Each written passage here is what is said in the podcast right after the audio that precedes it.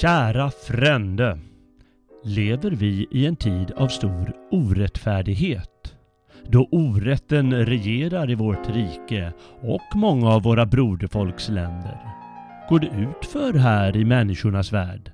Nalkas rent av ragnarök? Det kan emellanåt tyckas och kännas så. Idag ska vi vandra på gamla och nya stigar för att höra hur ett par av Europas främsta dikter gestaltar ett tillstånd där orätt härskar, där brodermord och blodskam får fritt utrymme, samt där bekymmer och plågor hopas för människorna. Ja, mest gamla stigar eftersom det rör sig om uråldriga dikter Idag ska vi nämligen högläsa några avsnitt ur Völvans spådom i Eddan och ur den grekiska poeten Hesiodos bok Verk och dagar. Jag heter Jalle Horn och önskar dig god medvandring på gamla och nya stigar.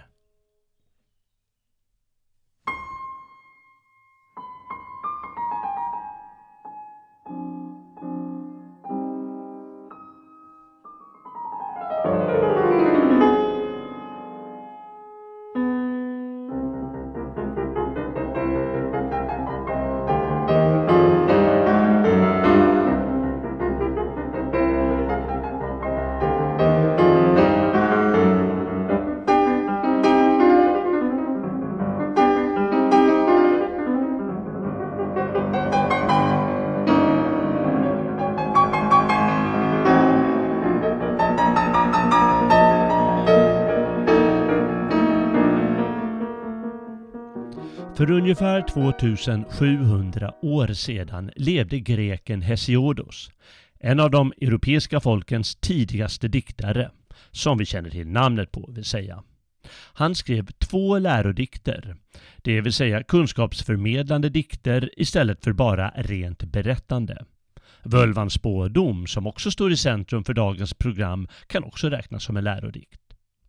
I dikten Verk och dagar berättar Hesiodos för bro sin bror eller sin son Perses hur man lever ett rättrådigt liv samt ger råd hur man brukar jorden.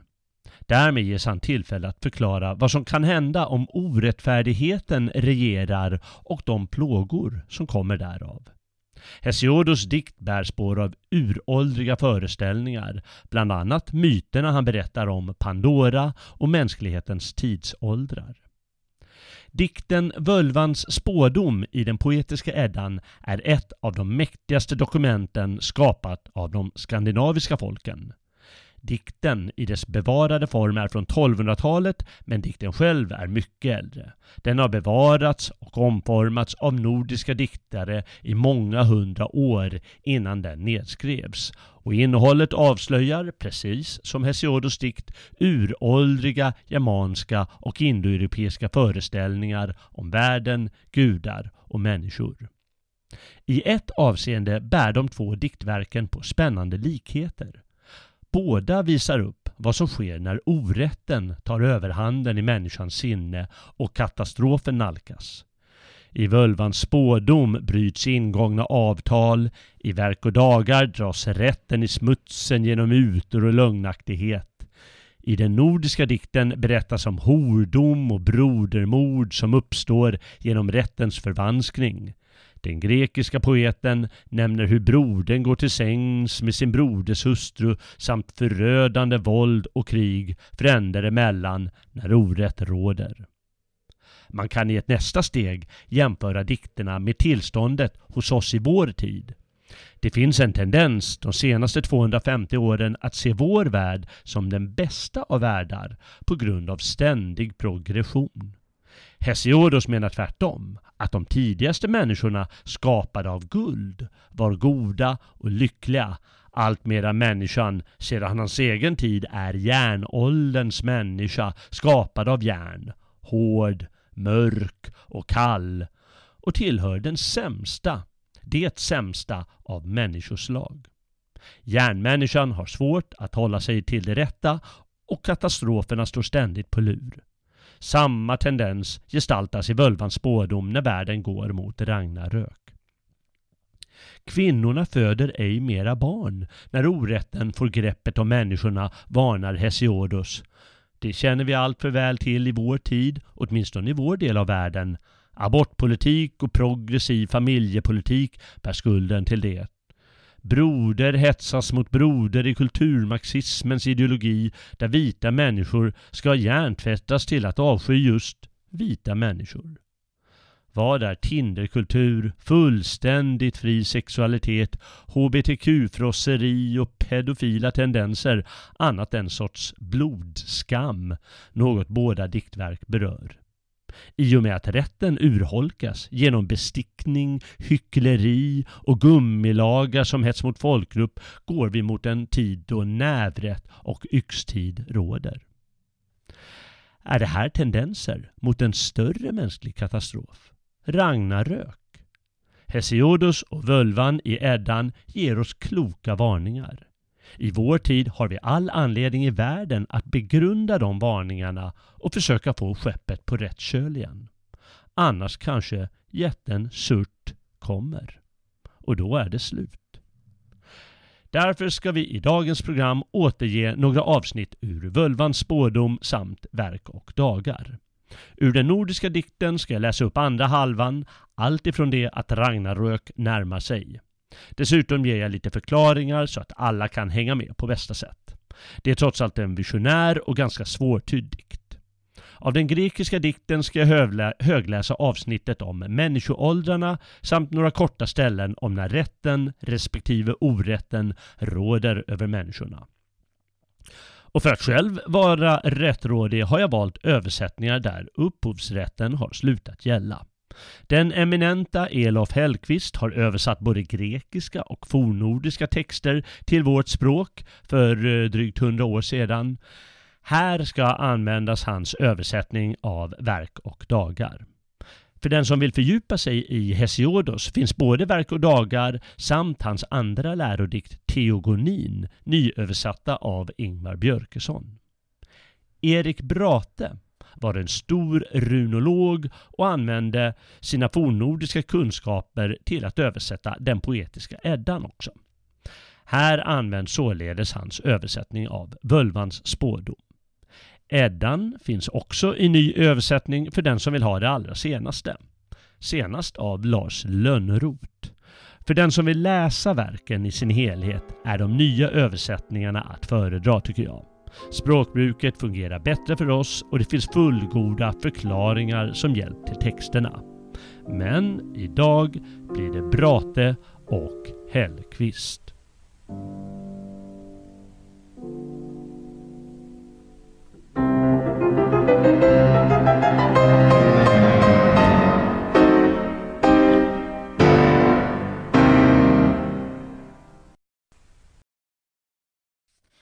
Völvans spådom är en dikt på ungefär 66 strofer. Och jag säger här ungefär eftersom den finns i eh, lite olika versioner, alltså nästan likadana men smått olika i några olika källor. Och i den här dikten så berättar alltså en völva för orden. Vi känner ju till alla att eh, orden är väldigt nyfiken av sig. Och hon berättar om världens tillkomst, undergång och pånyttfödelse. Och en völva det är alltså en spåkvinna eller trollkvinna som i syner kunde se det som hänt och det som ska komma. Och hon ansågs därför eh, under vikingatid för särskilt kunnig men hon fruktades eh, ibland av en hel del. Till sin hjälp har hon en stav för övrigt. Och völvan hon utövar så kallad sejd för att öppna upp en passage till andevärlden varigenom hon kan få den här önskade kunskapen och då går hon in i ett extatiskt tillstånd. Och den här sejden det är någonting som kommer från, eller som åtminstone finns i bland annat eh, shamanistisk religion. Och för övrigt kunde även män utöva sejd. Och vi känner ju till hur den nordiska mytologin tänker sig kosmos i form av ett stort träd, vilket framgår av den här dikten. Och trädet eh, Yggdrasil hyser nio världar som har borgar.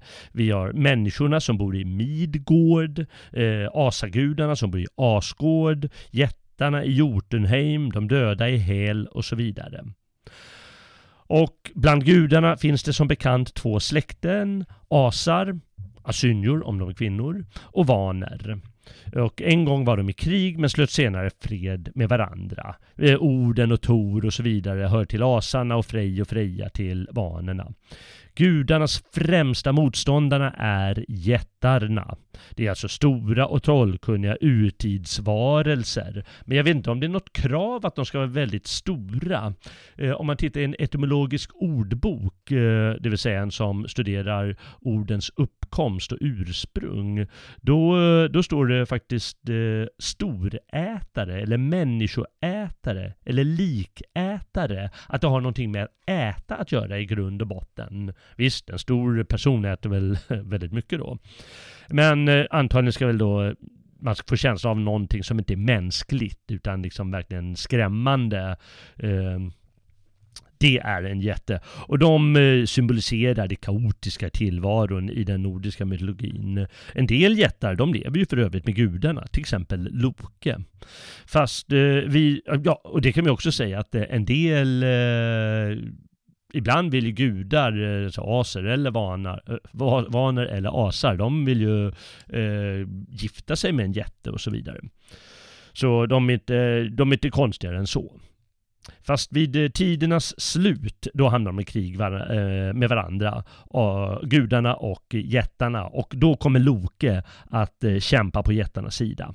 Och då kommer ju världen, som vi vet, gå under, men en ny värld stiga ur djupen. Eh, For, eh, versmåttet eh, heter fornyrdislag och det är alltså ett nordiskt eh, versmått. Eh, det är en variant av ett klassiskt germanskt eh, versmått för berättande, berättande dikt. Eh, fast i, i, på Island då, eftersom alla de här är upptecknade Völvans spådom och andra Edda-dikter är upptecknade på isländska. Så är den uppdelad i strofer som består av åtta halvrader. Eh, de här halvraderna är alltså Hören mig alla och Heliga släkten. Det är de först, två, två första eh, halvraderna i eh, den här dikten, Völvans spådom. Eh, fast det bästa är ju förstås om man inte försöker skapa sådana pauser när man läser, utan det blir ganska naturligt. Till exempel första strofen så här. Hören mig alla heliga släkten, större och smärre söner av Heimdall. Du vill ju valfader att väl jag täljer, forntida sägner, de första jag minnes. Så det inte låter så krystat. Och eh, de här halvraderna binds ihop av eh, bokstavsrim eller stavrim eller allitteration. Det vill säga ord som börjar på samma bokstav. Till exempel hören med alla heliga släkten där H binder ihop eh, de här halvraderna. Eh, det kan också vara en vokal som binder ihop men då är det inte krav att det är samma vokal.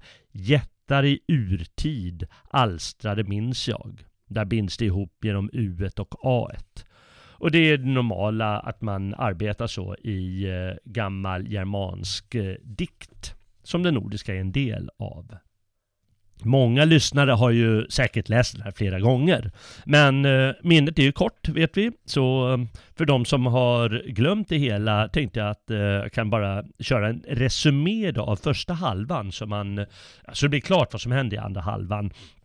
Och i början så eh, berättar då den här völvan eh, för människorna på guden Odens uppmaning. Eh, och eh, hon berättar om de första tiderna då trädet Yggdrasil med sina nio världar ännu låg i jorden och då urjätten Ymer levde, då enbart avgrunden Ginnungagap fanns och kosmos det låg i oordning. Men Burs söner, det vill säga Orden och hans bröder, de skapar Midgård och så, sen ordnar de och namnger resten av kosmos eh, tillsammans med övriga gudar. Och så småningom möts då asagudarna på slätten Idavallen där de börjar bygga och bland annat spelar brädspel tavle heter det. Eh, sedan kommer tre trollkvinnor som antagligen är jättar eller jättinnor. Eh, och sen så följer den så kallade dvärgkatalogen där dvärgarna skapas och namnges och de skapas av Brimes, det vill säga Ymers blod och ben. Sedan beskrivs hur människorna skapas eller formas genom att asagudarna Oden, Höner och Lodor ger liv, ande och öde och andra egenskaper åt Ask och Embla. Sedan berättas kort om asken Yggdrasil vars ena källa heter Urds brunn. Och där vistas de tre nonorna, ödesgudinnorna Urd, Verdandi och Skuld. Där Urd betyder öde, Verdandi betyder vardande eller blivande alltså och Skuld betyder framtid. Och snart börjar eh, den här völvan säga hon om sig själv. Och sedan så kommer hon skifta mellan hon eller jag, så det är lite förvirrande. Men eh, så är det. Völvor ska vara lite förvirrande. Stroferna eh, framåt mitten, de beskriver ett krig då mellan asar och vaner samt asarnas brott mot ingångna avtal. Och eh, då är det lite myter som framställs. Lite oklart, men jag tror att det är ungefär så här. Vanerna, de skickar eh, den trollkunniga kvinnan Gullveig till asarna som spetsar och bränner henne tre gånger i Odens sal. Men hon återuppstår varje gång. I människornas värld kallas hon Heid, ett vanligt namn på völvor. En del menar då att Gullveig är gudinnan Freja, som lärde asarna om Seid. Och den här behandlingen av Gullveig, de ger upphov till krig mellan asarna och vanerna. Och vanerna de tränger in i Asgård, men i freden då som så småningom ingås, då byts gisslan med varandra som, ett, som var ett vanligt tillvägagångssätt i Norden och kanske på andra ställen också förr i tiden. Det, det finns många exempel på det i de isländska sagorna.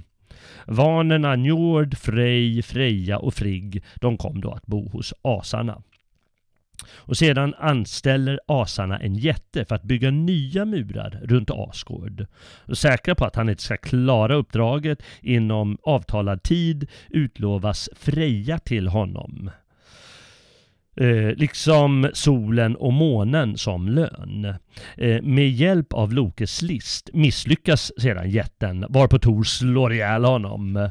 Och nu börjar vi komma till eh, andra delen av eh, Völvans spådom som vi alltså ska högläsa här. Och då tänkte jag att jag tar och sammanfattar lite eh, och sen så drar jag några strofer och så kör jag lite sammanfattning och och så drar jag några strofer igen. Bara så att det ska vara helt klart eh, men ändå skönt eh, poetiskt.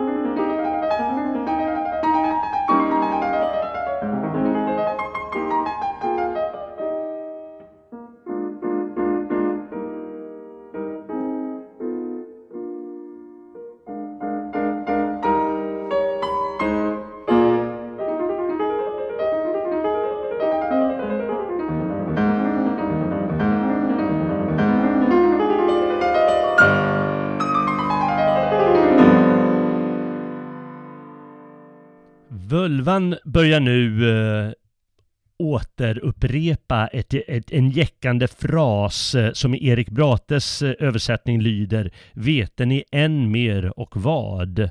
Vilket eh, betyder ungefär Har ni förstått eh, så räcker nu eller vill ni veta mer? Eh, och det återkommer då i några av stroferna på, under andra halvan av dikten. Eh, guden Heimdals horn, Jallarhorn, det ligger gömt under Yggdrasil vid vishetens, eh, vishetskällan Mimers brunn, där Mimer vistas. Eh, ja, åtminstone vistades han väl där innan han blev halshuggen och hans hu huvud bevarades ju som, som vi känner till hemma hos Oden annars. Och Mimer han är väl en jätte och den visaste i världen eftersom han dricker vishet ur källan med Jallahornet. Eh, orden Uh, han har ju offrat ett ö, eh, sitt ena öga i Mimus brunn för att få del av den här visheten. Och det är innebörden i uttryck som valfaders pant. Och völvor de satt ofta ute i ensamhet för att få syner. Oden, han söker upp den här völvan och erbjuder guld mot kunskap. Och då berättar hon bland annat om valkyriorna, Odens kvinnliga krigare, sköldmör som bland annat beslöt vilka krigare som skulle stupa och förde dem till Valhall. Ensam satt hon ute när asarnas skräckgud, den åldrige, kom och i ögat henne såg. Vad frågar ni mig? Vi frästen i mig? Allt vet jag orden. Var ditt öga du gömde i Mimers brunn, den mycket berömda? Mjöd var morgon Mimer drick drycker av valfaders pant. Vete ni än mer, och vad? Gav härfader henne halsguld och ringar, fick visdomsord och varsel av stavar. Hon såg vida omkring i varje värld. Hon såg valkyrior komna från fjärran, redo att göra ritten till Gottjod. Skuld höll sköld och Skogull var den andra. Gun, Hild, Gondul och Geirskogull. Nu är och härjans härjungfrur nämnda, valkyrior redo att rida på jorden. Sedan berättar völvan om Balders död. Balders bror Höder skjuter en pil av mistel på Balder som dör av det. Eh, Mistel är det enda som kan skada honom nämligen. Och enligt vissa myter så är det Loke som lurar Höder att mörda sin bror. Och då eh, sker det att Balders bror Vale eh, föds i all hast för att hämnas Balder. Och han dödar Höder blott en dag gammal och lägger honom på samma likbål som Balder. Odens hustru Frigg, hon sörjer sin son i sitt hem Fensalarna. Loke han fängslas eh, som straff för Balders död och hans hustru Sigyn vakar över honom. Enligt myten så binds han med tarmarna från sin son Bale, eller, eller Narfe kallas han också. Eh, och en giftorm placeras hängande på en gren över honom.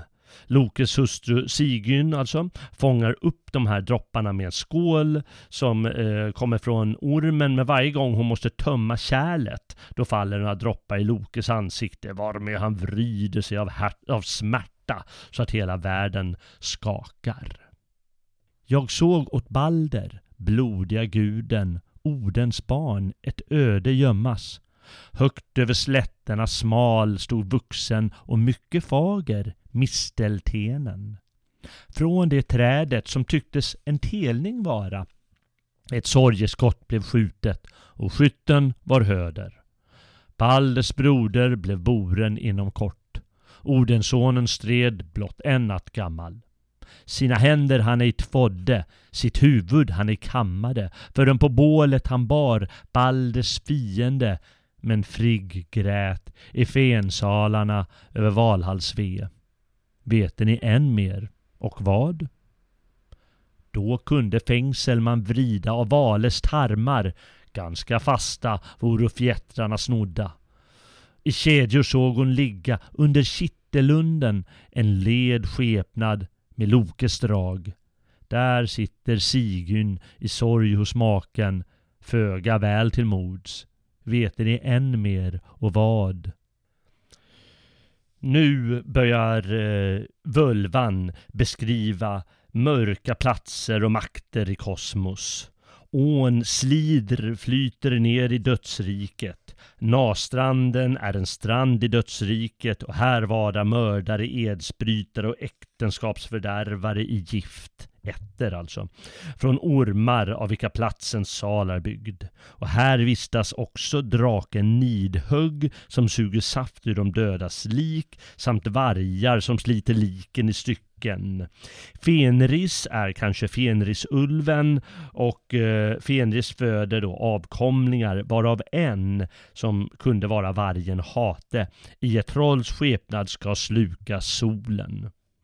Tupparna gal nu för Ragnarök. Tuppen Fjalar hos jättarna, Gullinkambe hos gudarna och de stupade krigarna i Valhall samt en annan tupp i Hel. En å ifrån öster genom ätterdalar flyter med svärd och stridsknivar. Slider den heter. Norrut stod på Nidaslätterna en sal av guld för Sindres ett. En annan stod på Okolner, gästabudsal för jätten Brimer. En sal såg hon stånda från solen fjärran på Nastranden. Åt norr vette dörren. Ätterdroppar föllo in genom rökhålet av ormars ryggar är rummet flätat. Där såg hon i strida strömmar vada menediga män och för mord fredlösa och den en annans hustru hemligt lockar. Där sög nidhugg de dödas kroppar. Vidundret slet männen. Vete ni än mer och vad? Österut i järnskogen den åldriga satt och födde där Fenrers avkomlingar. En blive mest av alla förnämlig, Tunglets rövare i trolls skepnad.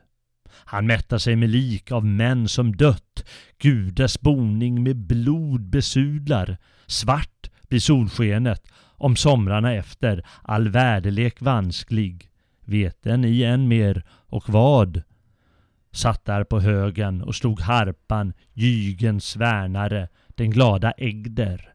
Över honom gol i granskog med pors, en fagerröd hane som Fjalar heter. Gol över asane, Gullinkambe, han hos härfader härmännen väcker. En annan gal under jorden, en sotröd hane i hälls salar. Och nu börjar Ragnarök. Och eh, frasen Garm skäller gräsligt återkommer flera gånger. Garm är en varghund som vaktar vid Gnipahålen, eh, Gnipahålan, ingången till Hel. Människornas lagar havererar. Jättarna, Mims söner, de reser sig var med Heimdall blåser i jallarhornet för att förkunna den sista striden. Yggdrasil skälver. Jätten Rym far fram från öster. Fenrisulven och Midgårdsormen gör sig fria. Loke, eh, som också är fri nu, styr skeppet Nagelfar, gjort av de dödas naglar och bemannat med jättar. Eldjätten Surt far fram med sitt brinnande svärd. Alver, det är gudaväsen precis som asarna och vanerna. Garm skäller gräsligt framför Gnipahålan. Fjättern ska brista, fri varder ulven. Visdom vet jag mycken, långt vidare ser jag över segergudars väldiga, slutliga öden. Bröder, skola kämpa varandras banemän bliva, systrans barn sin släktskap spilla. Hårt är i världen, hordom mycken, yxtid, klingtid, klingtid, kluvna bliva sköldar, vindålder, vargålder, innan världen störtas. Ingen man skall den andra skona. Mims söner leka och slutöde tändas vid jallarhornets ljud. Det genomträngande. Högt blåser Heimdall med hornet i vädret. Med Mims huvud håller orden råd. Då skälver Yggdrasils ask där den står. Urträdet jämrar sig. Jätten blir lös. På resan till Hell rädas alla innan Surts släkting slukar honom. Vad är med asar? Vad är med alver? Allt jättehem gnyr. Asar hava möte. Dvärgarna stöna framför stendörrarna, bergväggens vise.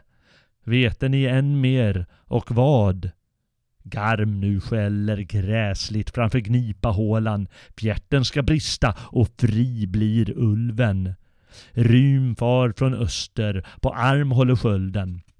Jättevrede vrider världsormen sig. Ormen piskar vågen och örnen skriar, sliter lik, blek om näbben och nagelfar lossnar. Skeppet far mot öster. Skeppet far från öster. Över sjön skall Muspels ledung komma och Loke styr. Vidunders yngel med ulven, ulven kommer. Med dem är Byrleifs broder i följe. Surt far från söder med svedjande låga. Stridsgudar sol av svärdet skiner. Stenberg störta. Det stupar jättekvinnor trampar dödningars hälsväg och himmelen rämnar. Gudarna kämpar nu och går under. Orden strider och faller mot Fenrisulven men hämnas av sin, av sin son Vidar som dödar ulven. Frej strider mot Surt, Tor dräper Midgårdsormen men faller och världen störtar samman och går under i eld. Men sedan blir världen till på nytt. Och i, i slutstroferna så finns eh, kanske både kristna och hedniska inslag där de tvistar om lärde. Men asar möts i alla fall på Idavallen igen och berättar om förr och Fimbultyr är orden. Balder och Höder ska leva i Valhall och deras barn ska leva bland vindarna i himlen. I en sal på Gimle ska de rättrogna skuldlösa bo. En ny nidhugg finns även här. Det är draken som tuggar på Yggdrasils rötter. Den sista halvraden tolkas ofta som att völvan sjunker undan, det vill säga slutar sia.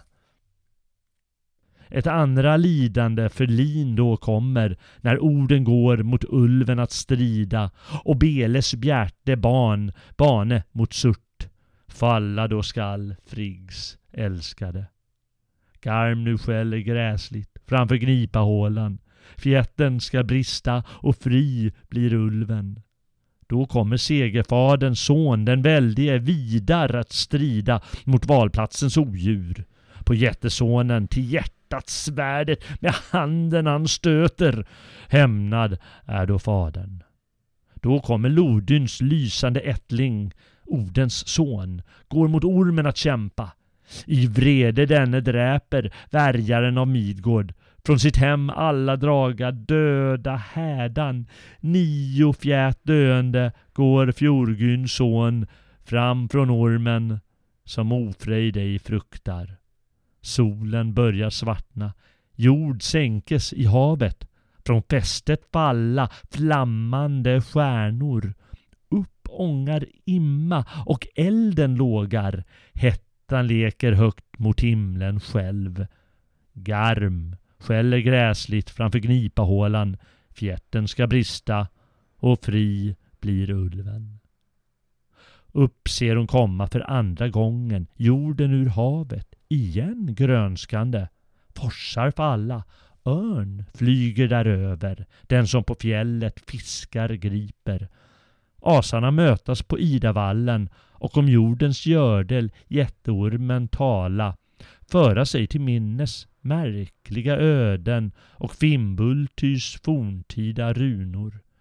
Där skola åter de underbara guldbrädspelsbrickorna i gräset hittas, som i tidens morgon de tillhört hade.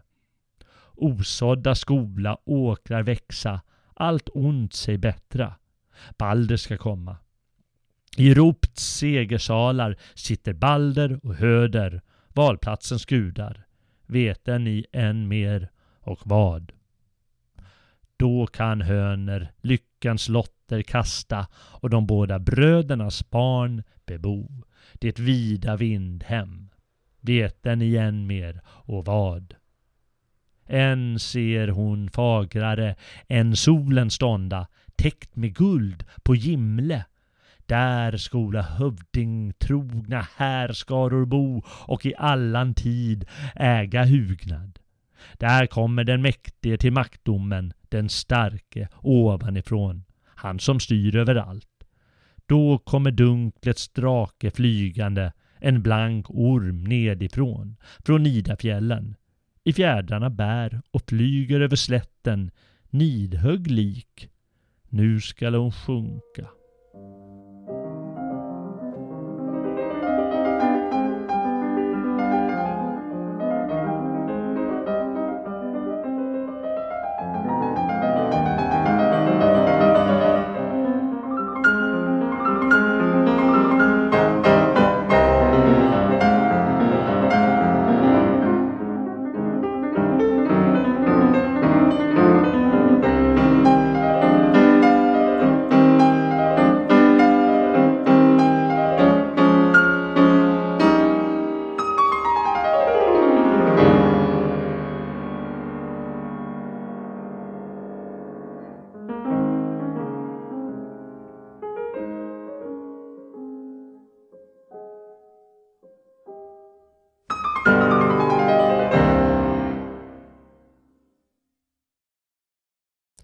Hesiodos, eller kanske ska det uttalas Hesiodos, men Hesiodos låter lite bättre på svenska.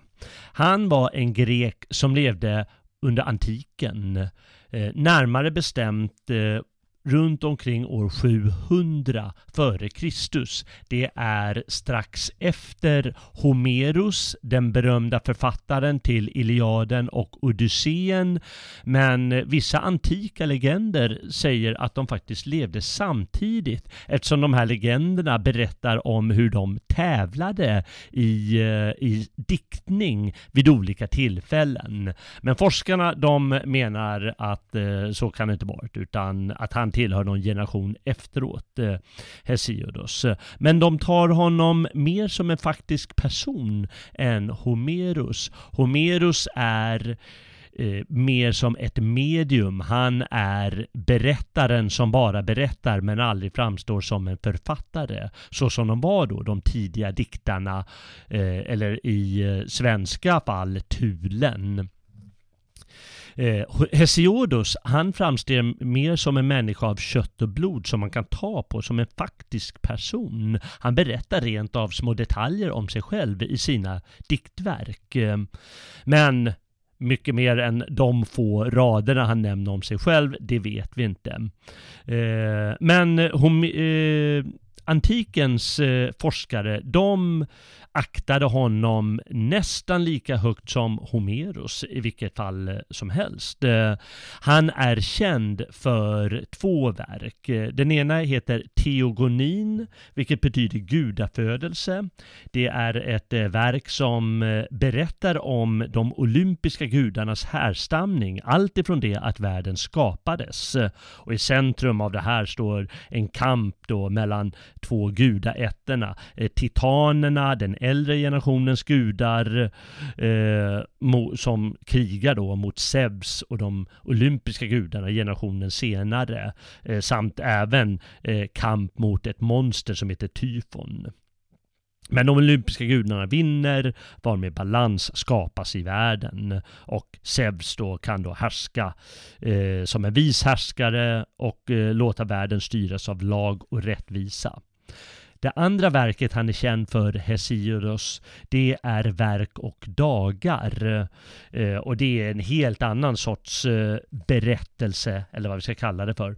Eh, långt ifrån de här homeroska äventyren också. Det är den strävsamma bonden som står i centrum där. Eh, och då riktar han ord, jag vet inte om det är mot sin son eller mot sin bror som är en, en, en lat nisse. Eh, men då så beskriver han då hur bonden strävar och arbetar eh, och eh, går i detalj in på olika delar av bondens arbete och han då, den här har en stark moralisk klang hur man lever ett rättfärdigt liv. Och det är den vi ska titta på lite närmare i det här avsnittet. Och Skälet till att vi ska göra det är att vissa delar liknar eller har vissa likheter med völvans spådom i Eddan alltså. Eh, närmare bestämt tiden i, i völvans spådom alltså. Tiden strax före Ragnarök eller när Ragnarök nalkas eh, då, då hordom råder, yxtid, blodskam, vargålder och så vidare. Låt mig upprepa det centrala avsnittet i Völvans spådom, fast här i Lars Lönnroths översättning, den senaste som kommit. Eh, Broder blir nu sin broders barne, systras barn i blodskam avlar. Hårt är i världen, mycken hordom, yxtid, knivtid, sköldar som klyvs, vindtid, vargtid, Förrän världen stupar, ingen skonar den andres liv. Och de, eller den sortens scen med, med broder som mördar broder och blodskammen och, och kriget som, för, som förgör.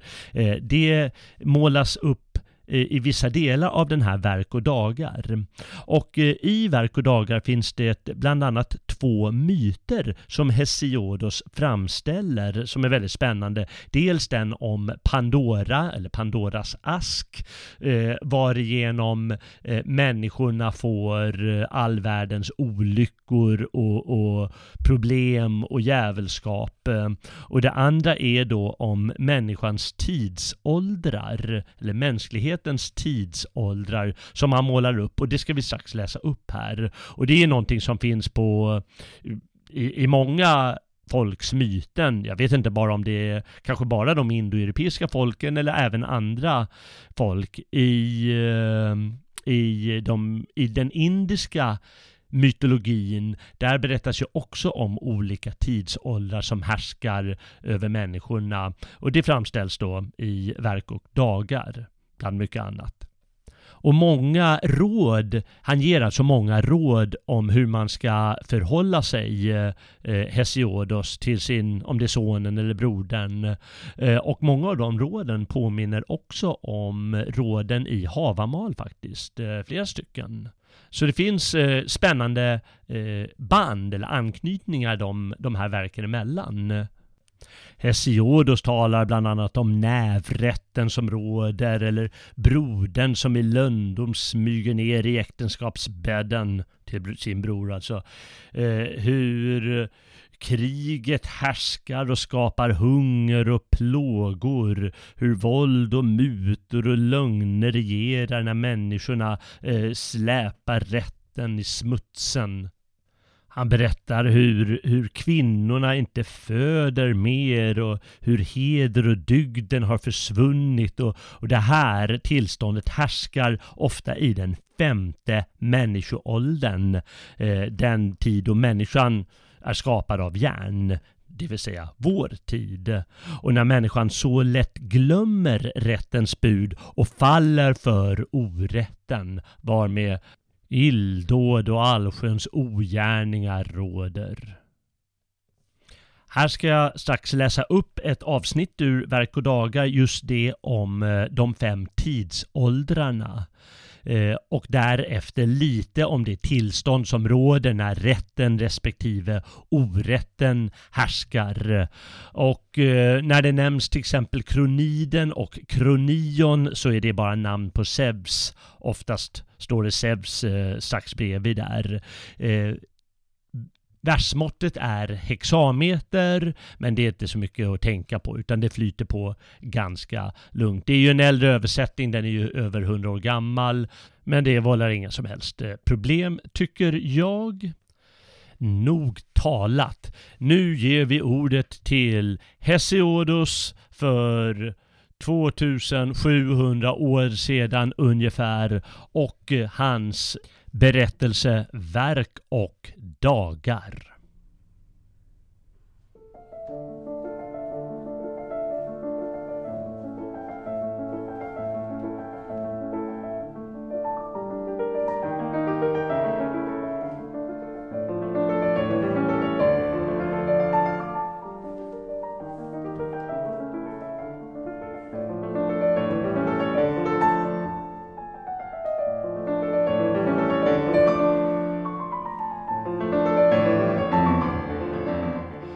Höga och eviga gudar som bygga och bo i Olympen danade först av dödliga människor ett gyllene släkte.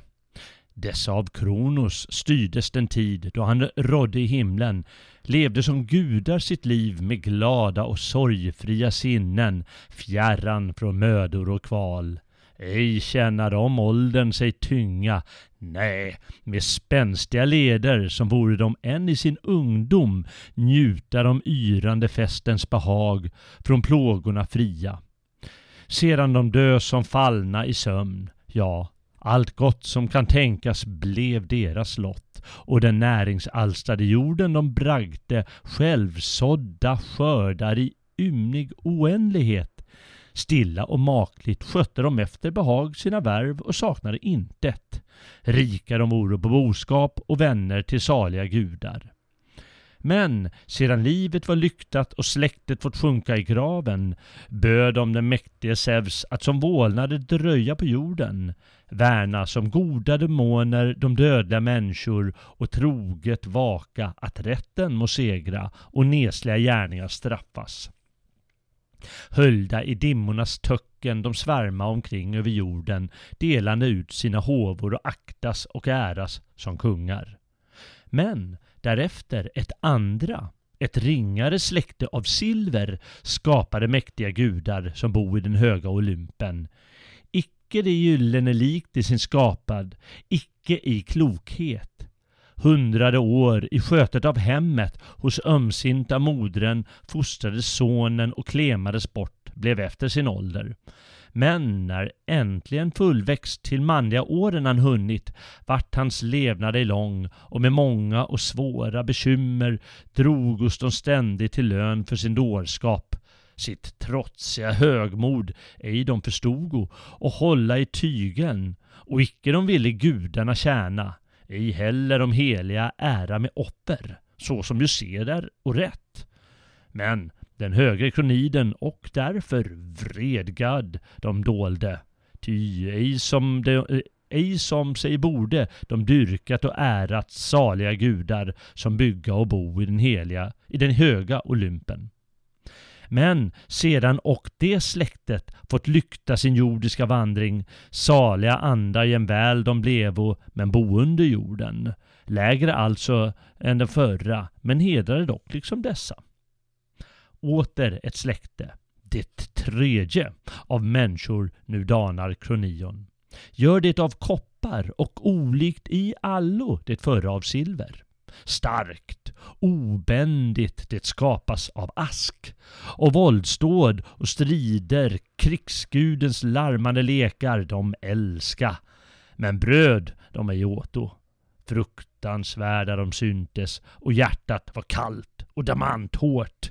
Väldig var dock deras styrka och armar, hemska att nalkas, falla från skuldrorna ned på den stora och kraftiga kroppen. Vapnen de gjort sig av koppar. Av koppar de byggt sina hyddor. Jorden med koppar de plöjde, ty järnet, det mörka, var okänt.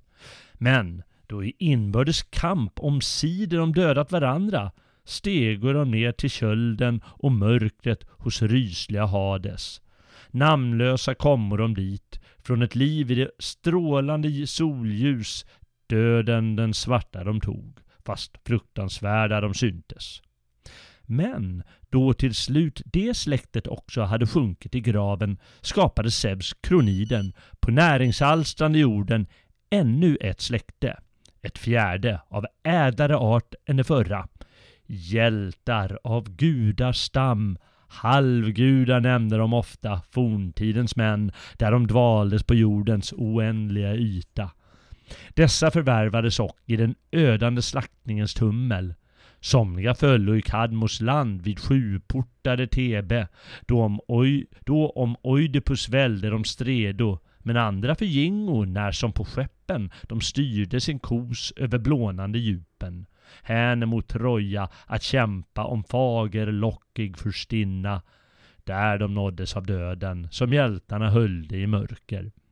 Dessa har himmelens fader, den höga kronien, förlänat fjärran från saliga gudar, en fristad med ordnade seder. borta vid jordens rand och Kronos de äga till konung. Där de sin boning har fäst och där på de saligas öar leva de sorgfritt, lugnt vid det djupa och böljande havet. Lyckliga hjältarna känna sig där. Tre gånger om året bördiga jorden de bjuder på frukter så söta som honung. Hade blott ej mig beskärts i den femte åldern att leva, utan istället jag förr hade dött eller fötts i den nästa. Detta vårt släkte är skapat av järn, och varken om dagen bliva de fria från vånda och kval, ej heller om natten. Onda de äro, och hårt skola gudarna straffar de arma. Dock är det onda hos dem och blandat en smula med godhet. Säkert skall också nion en dag det släktet förgöra när vid födelsen ren kring tinningens silverhår glänsa. Fadern är mera blid mot sin son, ej sonen mot fadern. Gäst, ej huld mot en värld han gästar. Ej vän eller broder kommer den hjärtliga kärlek till led som de fordom har njutit.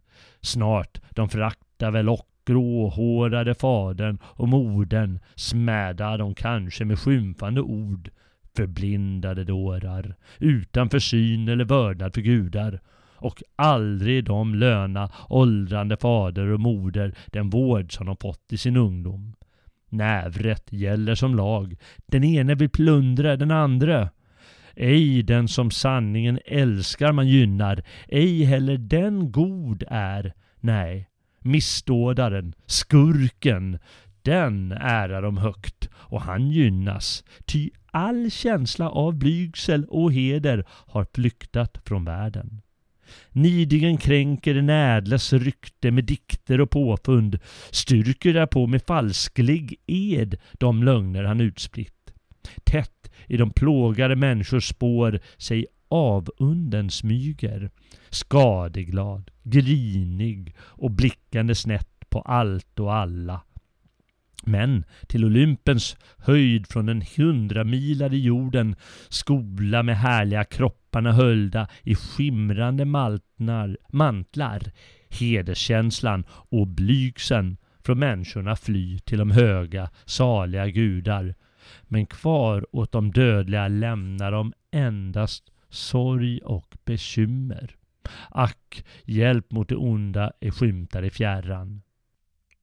Hesiodus berättar sedan en kort liten saga om höken och näktergalen. Där höken är den starke och näktergalen då är den svaga men ljuvligt sjungande fågeln. Och eh, sagan ska symbolisera den starkes rätt. Vad som händer i en sådan värld. Och Hökan eh, han eh, säger kort och gott när han beklagar sig i Näktergalen. Varför skriker du kräk i en starkares våld där du fallen? Och därefter så, eh, så berättar han för Perses då om eh, rätten kontra orätten. Lyssna nu Perses till rättens bud och gynna i våldet. Och eh, när orätten respektive eh, när rätten respektive orätten härskar, eh, då låter det så här. Djup känns harmen då rätten på gatorna släpas i smutsen, skändad av orättrådiga domare, mätta av mutor.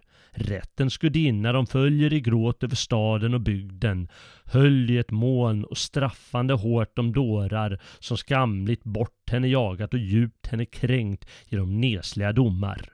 Men för de människor som redligen handlat mot granne och främling, de som är vika från sanning och rätt, skall fäderneslandet blomstra i lycka och släktet där bo ska frodas och trivas. Folkförökande freden de njuta där hemma och aldrig sänder till dem fjärrskådande Zeus det blodiga kriget.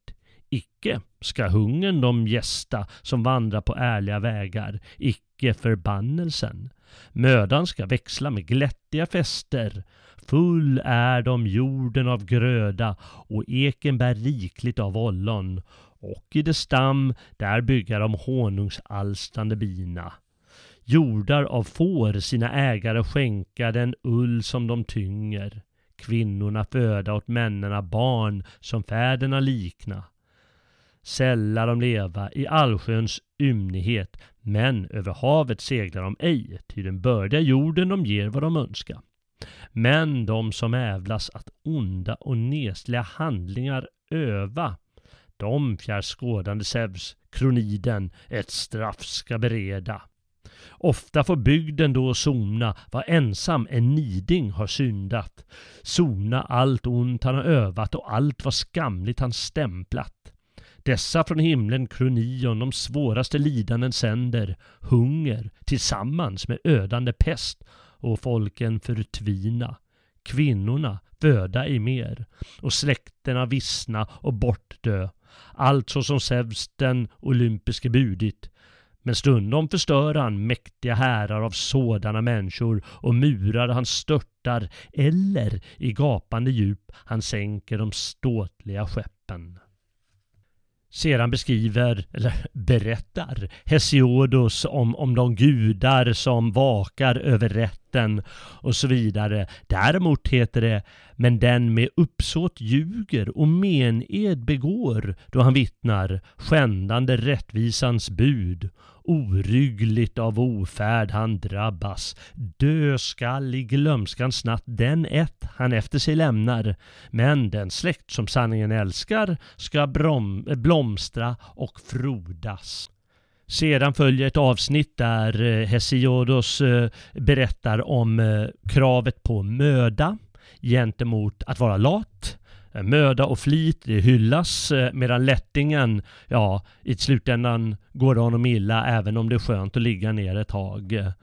Mödan är ej någon skam, men en skam är att leva i lättja, säger han. Men eh, vad händer då i en värld där istället för mödans eh, dygd istället orätt och våld härskar? Jo, då låter det så här. Roffa dock ej, säger han alltså till Perseus, långt bättre de gåvor som gudar förläna. Den som ej skyr att med orätt och våld sig rikedom skaffa eller med lögner och knep sig rikta, som ofta nu timar då av det snöda begäret det mänskliga sinnet blir dårat och då all blygsel av skamlös fräckhet drives på flykten. Honom en gång skola gudarna näpsa, hans rikedom minskas. Ringa och kort blir den tid då han följes av lycka och välmakt. Bättre den, är, bättre den är ej som kränker en nödställd eller en främling, eller som stiger i löndom i äktenskapsbädden till brodrens älskade maka och nesligen skända hans heder och rykte eller som trolöst handlar mot barn som de sina förlorat, eller som smädar sin grånade fader som lutar mot graven, farande ut emot honom med sårande ord eller bannor. Honom förvisso skall Zeus bliva gramse och dagen ska komma då honom Gud för hans brott med sorg och lidande straffar. Hesiodus ger sedan flera råd eh, hur man lever rättfärdig och berättar sedan eh, för sin son hur man brukar jorden rätt och så ja, håller han på sådär tills eh, boken är slut.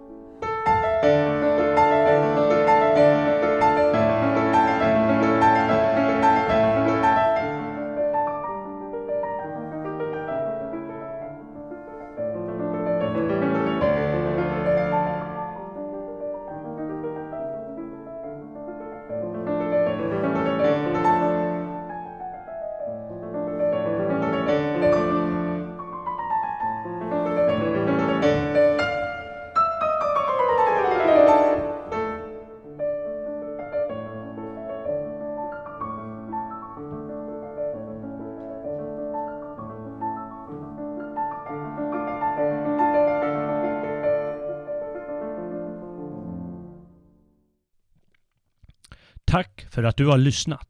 Om du tycker att det du har hört var intressant får du gärna stödja Svegot med en stödprenumeration eller donation. Mer information hittar du på svegot.se där du kan klicka teckna stödprenumeration eller donera. På de kommande två vandringarna på gamla och nya stigar ska jag och Robin Holmgren diskutera böckerna Steppvargen av Herman Hesse och den isländska ättesagan Njals saga. Jag heter Jalle Horn och tackar för uppmärksamheten. Väl mött Frände!